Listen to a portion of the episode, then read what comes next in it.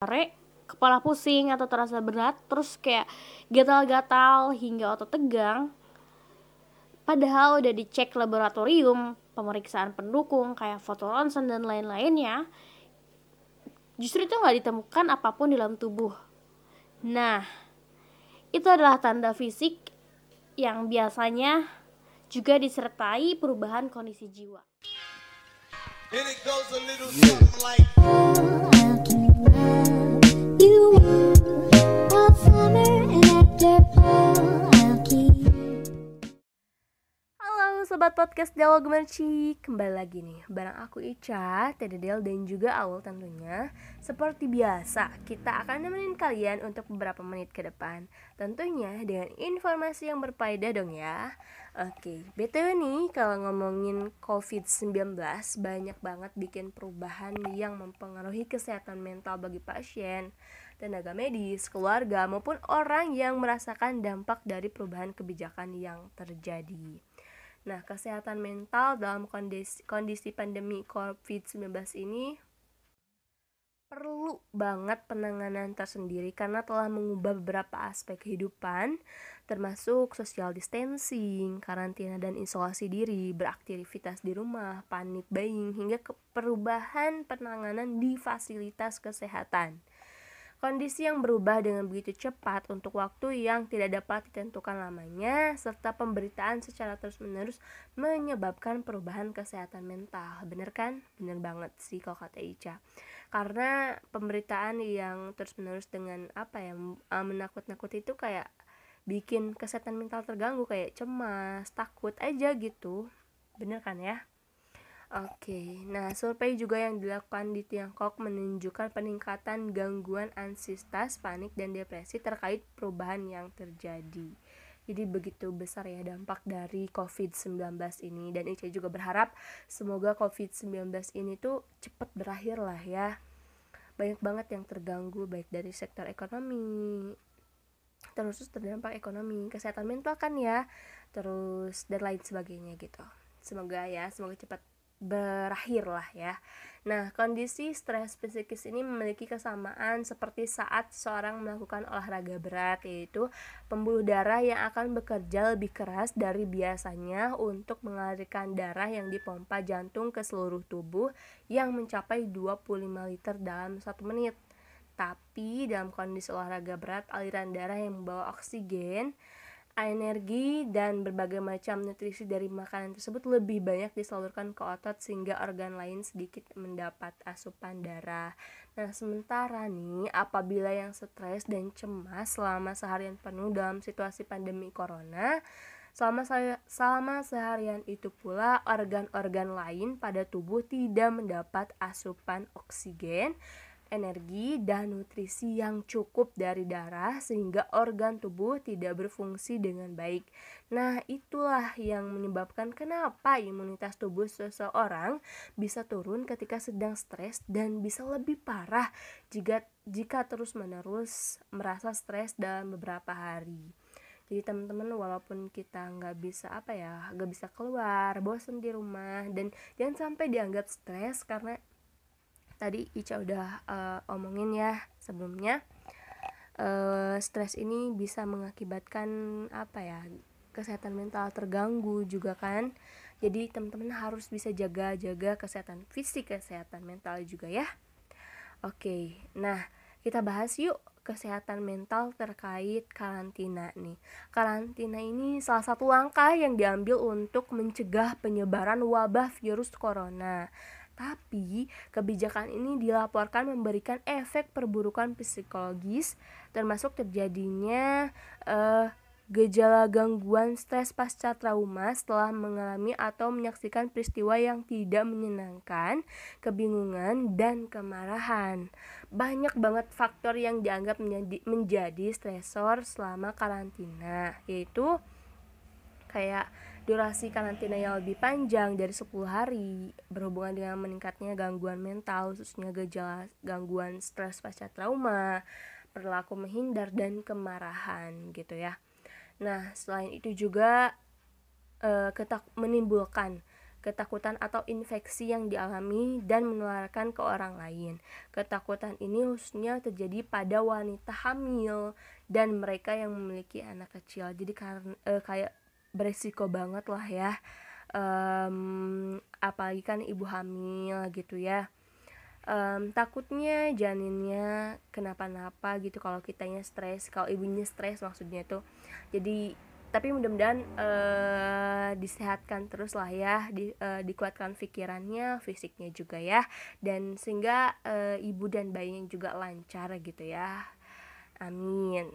Nah selain itu frustasi dan kebosanan terjadi akibat seseorang kehilangan rutinitas harian dan terjadi pengurangan kontak fisik dan sosial berupa uh, apa ya uh, kontak sosial dengan orang lain termasuk akibat perasaan menjadi terisolasi dari dunia sekitar. Bener kan?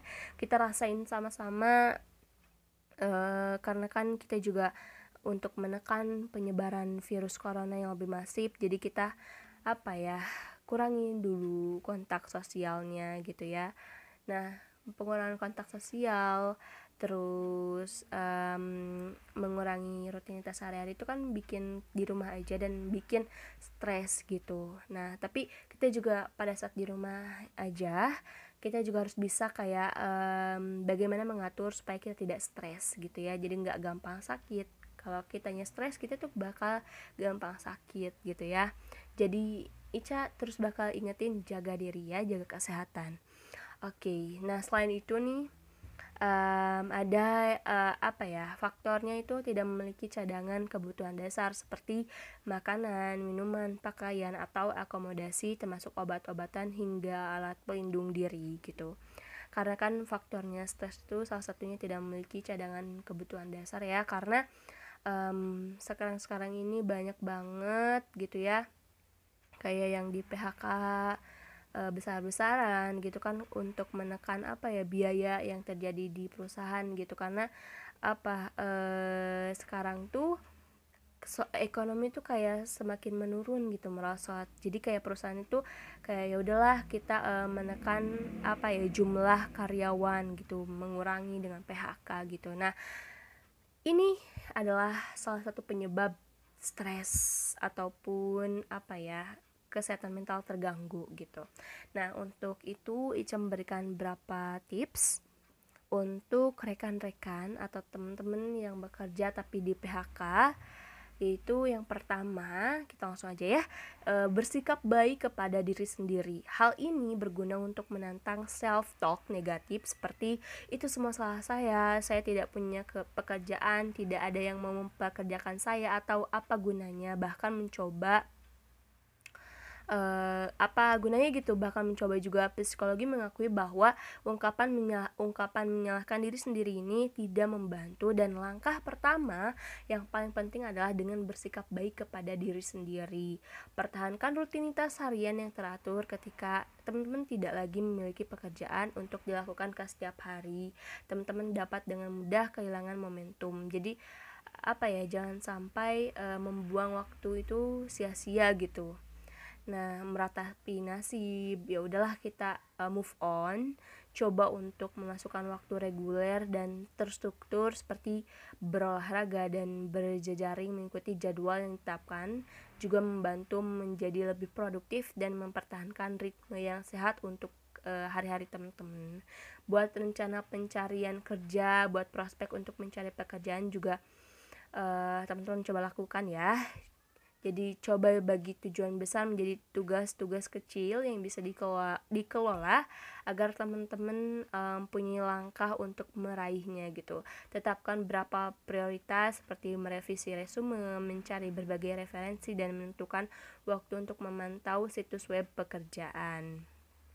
Tetap sehat ungkapan pikiran sehat hidup da, uh, dalam tubuh yang sehat gitu. Jika teman-teman mengalami masa pengangguran, terus berolahraga, makan dengan baik, dan jika teman-teman memiliki masalah kesehatan, pergi ke dokter untuk menyelesaikan sebelum menjadi lebih serius. Nah, ingatkan juga diri teman-teman tentang hal-hal positif teman-teman saat menganggur.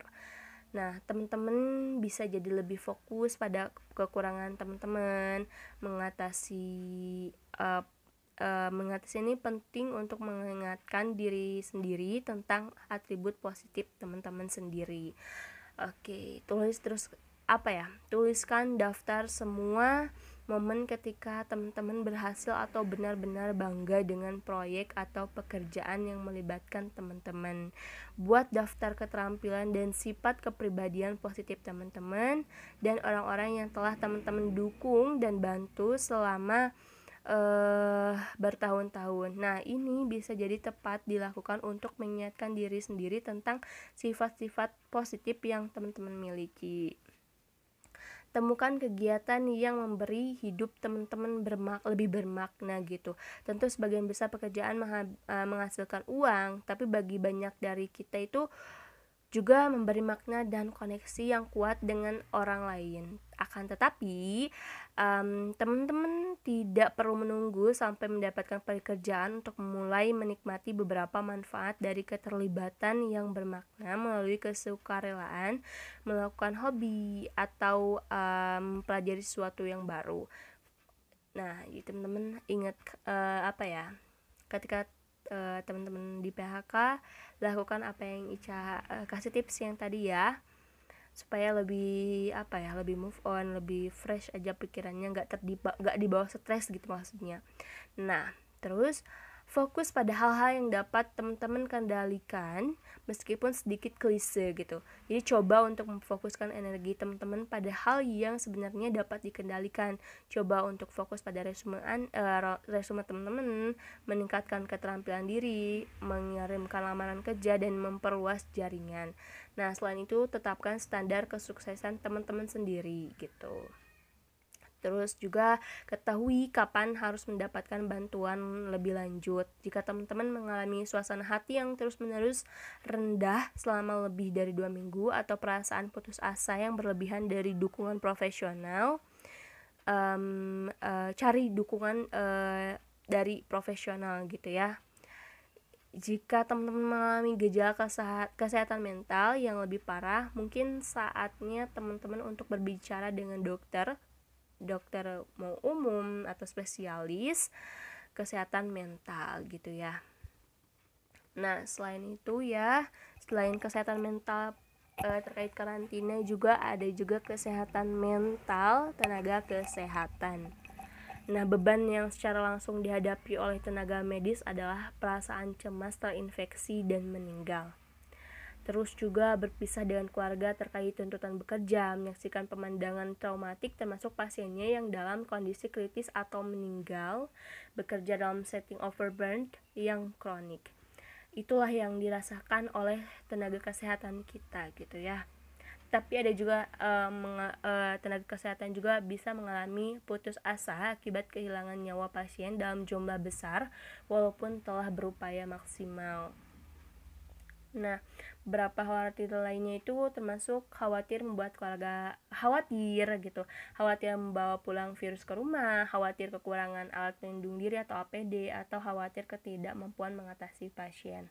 Itulah teman-teman yang dirasakan oleh tenaga medis dan Ica ngerasa apa ya sangat berterima kasih sekali kepada uh, tenaga medis yang apa ya yang rela gitu uh, mengorbankan hidupnya uh, apa ya membantu untuk uh, menyembuhkan orang-orang. Karena kalau nggak ada tenaga medis siapa lagi coba gitu ya? Um, mereka juga punya resiko tersendiri kan ya kayak maaf mungkin uh, meninggal gitu dan lain sebagainya. Banyak banget resiko yang akan apa ya yang akan uh, dirasakan oleh tenaga kesehatan seperti Ica tadi bilang sebelum-sebelumnya ya. Oke, selain kesehatan mental tenaga kesehatan dan ada juga kesehatan mental yang dirasakan oleh pasien kesulitan menjalani fungsi sehari-hari akibat gejala penyakit atau gejala sisa yang dialami dapat menyebabkan gangguan kesehatan mental seseorang. Beberapa pasien dapat mengalami perasaan tidak berdaya, bahkan perasaan duka akibat kehilangan orang-orang terdekat mereka termasuk sesama pasien dalam perawatan. Jadi kita harus terus support pasien-pasien yang sudah terkonfirmasi COVID-19 ini dan kita juga sama-sama berdoa supaya um, teman-teman yang sudah menjadi apa ya uh, yang terkonfirmasi positif ini bisa cepat sembuh dan bisa beraktivitas kembali seperti biasa gitu. Amin ya. Nah selanjutnya ini adalah kesehatan mental keluarga keluarga dari tenaga kesehatan maupun pasien yang terkonfirmasi terinfeksi COVID-19 ini dilaporkan memiliki peningkatan risiko terjadinya distres psikologi. Nah, meningkatnya gejala depresi pada keluarga tenaga kesehatan sejalan dengan tingginya jam kerja tenaga kesehatan. Sedangkan keluarga pasien beresiko tinggi mengalami gangguan cemas, uh, gangguan cemas menyeluruh ya terkait dengan tingginya resiko penularan infeksi dan ketakutan akan meninggalnya anggota keluarga yang terjang yang terjangkit infeksi serta berkurangnya jam berkumpul dengan keluarga. Benar banget. Um, selain itu juga ya uh, apa ya uh, teman-teman jangan dulu apa mudik gitu ya jangan dulu mudik ikuti apa yang pemerintah katakan karena itu semuanya itu baik buat kita gitu. Jadi kita harus gotong royong gimana caranya supaya uh, eh, COVID-19 ini segera berakhir dan hilang dari muka bumi begitu ya. Amin. Oke okay. Ica berpesan buat teman-teman pendengar setia podcast Dialog Gemercik siapa pun di mana pun dan seluruh pokoknya seluruh semuanya gitu ya um, jaga terus kesehatan fisik ataupun mental. Terus uh, apa ya patuhi apa yang telah pemerintah katakan atau keluarkan keluarkan kebijakan apa pun harus dipatuhi karena itu untuk kebaikan kita semua ya oke? Okay? stay safe everyone. Jaga hati kamu buat aku ya. Iya.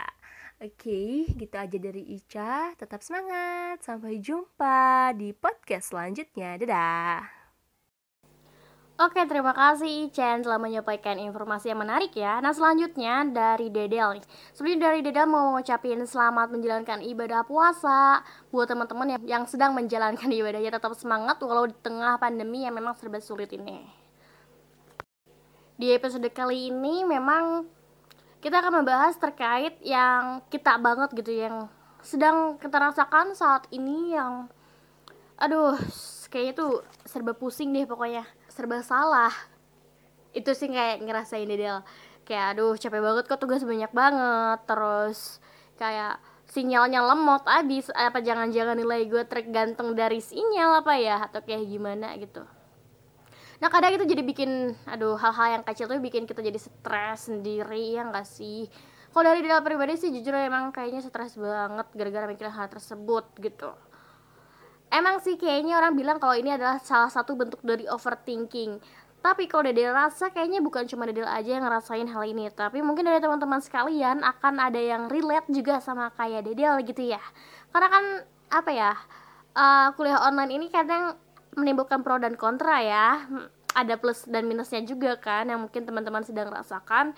Ya minusnya di mana kita um, kalau misalnya terlebih Dedel ya, Dedel rasain kayak apa ya beberapa alat yang kayak ya mungkin alat pendukung untuk perkuliahan yang aduh kadang ngeselin gitu kok ini nggak jalan sehingga terhambat kan kuliahnya.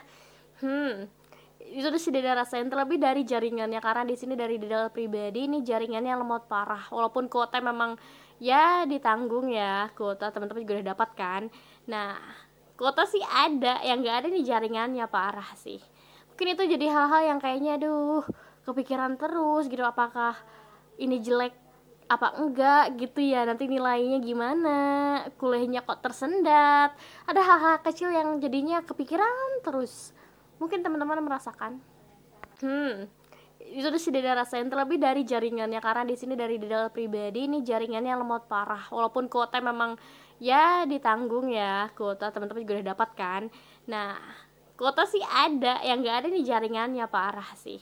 Pernah nggak sih kamu ngerasain jantung berdebar napas pendek sulit tidur atau menjaga tidur karena waktunya berantakan kayak tidurnya kurang atau bahkan mungkin berlebih lebih dari 16 jam 12 jam intinya gak normal lah terus perut kamu agak mual, kembung, diare, kepala pusing atau terasa berat terus kayak gatal-gatal hingga otot tegang.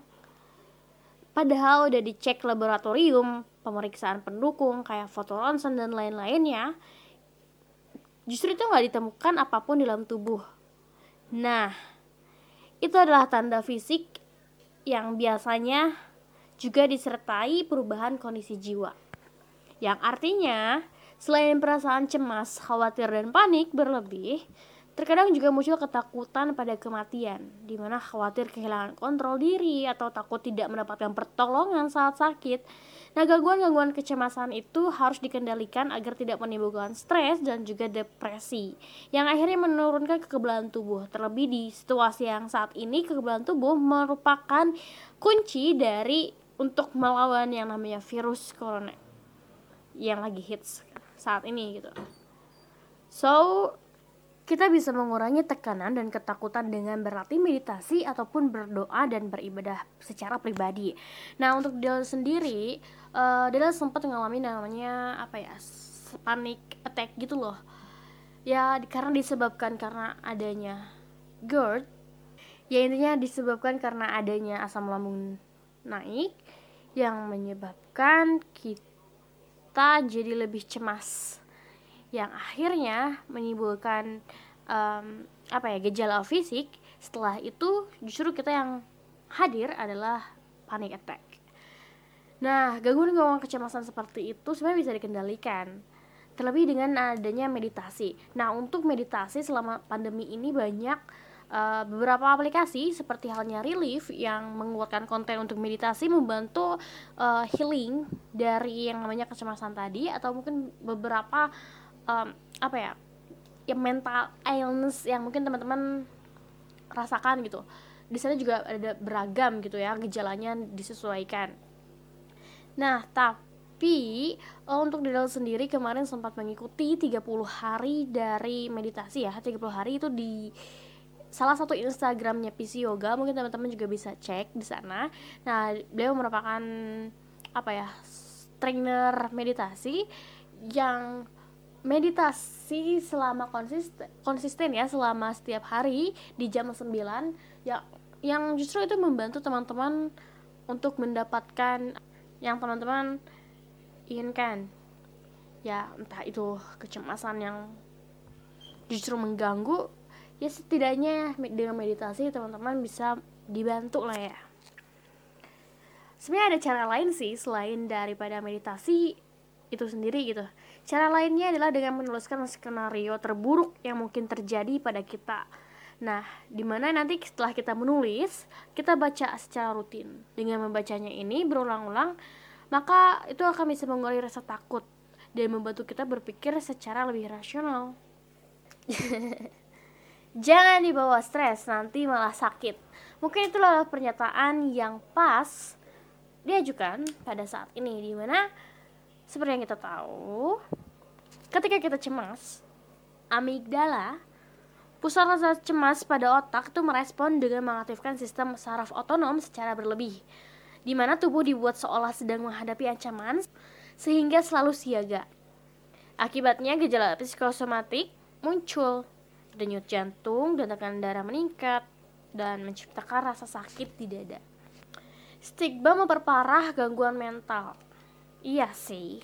Di mana pandemi ini gak cukup mempengaruhi kesehatan mental masyarakat umum. Kebijakan pembatasan fisik membuat orang harus beraktivitas tak sebagaimana biasanya. Di tingkat kelompok, mungkin yang lebih tua kali ya, kebijakan ini berdampak pada penurunan kognitif atau demensia yang menjadikan mereka lebih mudah marah, stres, dan gelisah. Sementara itu, tenaga kesehatan bekerja lebih berat akibat jumlah pasien meledak dalam waktu yang bersamaan. Centers of Disease Control and Prevention atau CDC mengatakan pandemi ini beresiko memunculkan gangguan mental, terutama pada penyintas dan petugas kesehatan. Justru mereka akan sangat mungkin terserang depresi, kecemasan, dan gangguan stres pasca trauma.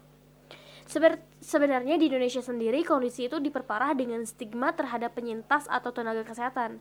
Seperti yang dikisahkan Ricky Rahman Permana 29 tahun di mana dia di mana dia seorang penyintas dari Jawa Barat memiliki pekerjaan sebagai petugas imigrasi Bandara Soekarno-Hatta membuatnya sering bersentuhan dengan orang banyak dari berbagai penjuru dunia. Tanggal 16, tanggal 14 Maret kemarin ia resmi ditetapkan sebagai pasien pasien sebagai pasien positif COVID-19. Namun sebelum itu sebelum mengetahui tes swab, sebuah pesan beredar menyebarkan data pribadinya termasuk nama lengkap dan alamat keluarganya. Informasi itu kemudian disisipi imbauan untuk menutup hidung atau menggunakan masker apabila di kawasan rumah penyintas tersebut. Nah, tekanan psikis masyarakat semakin berat ketika negara memutuskan untuk melakukan karantina wilayah.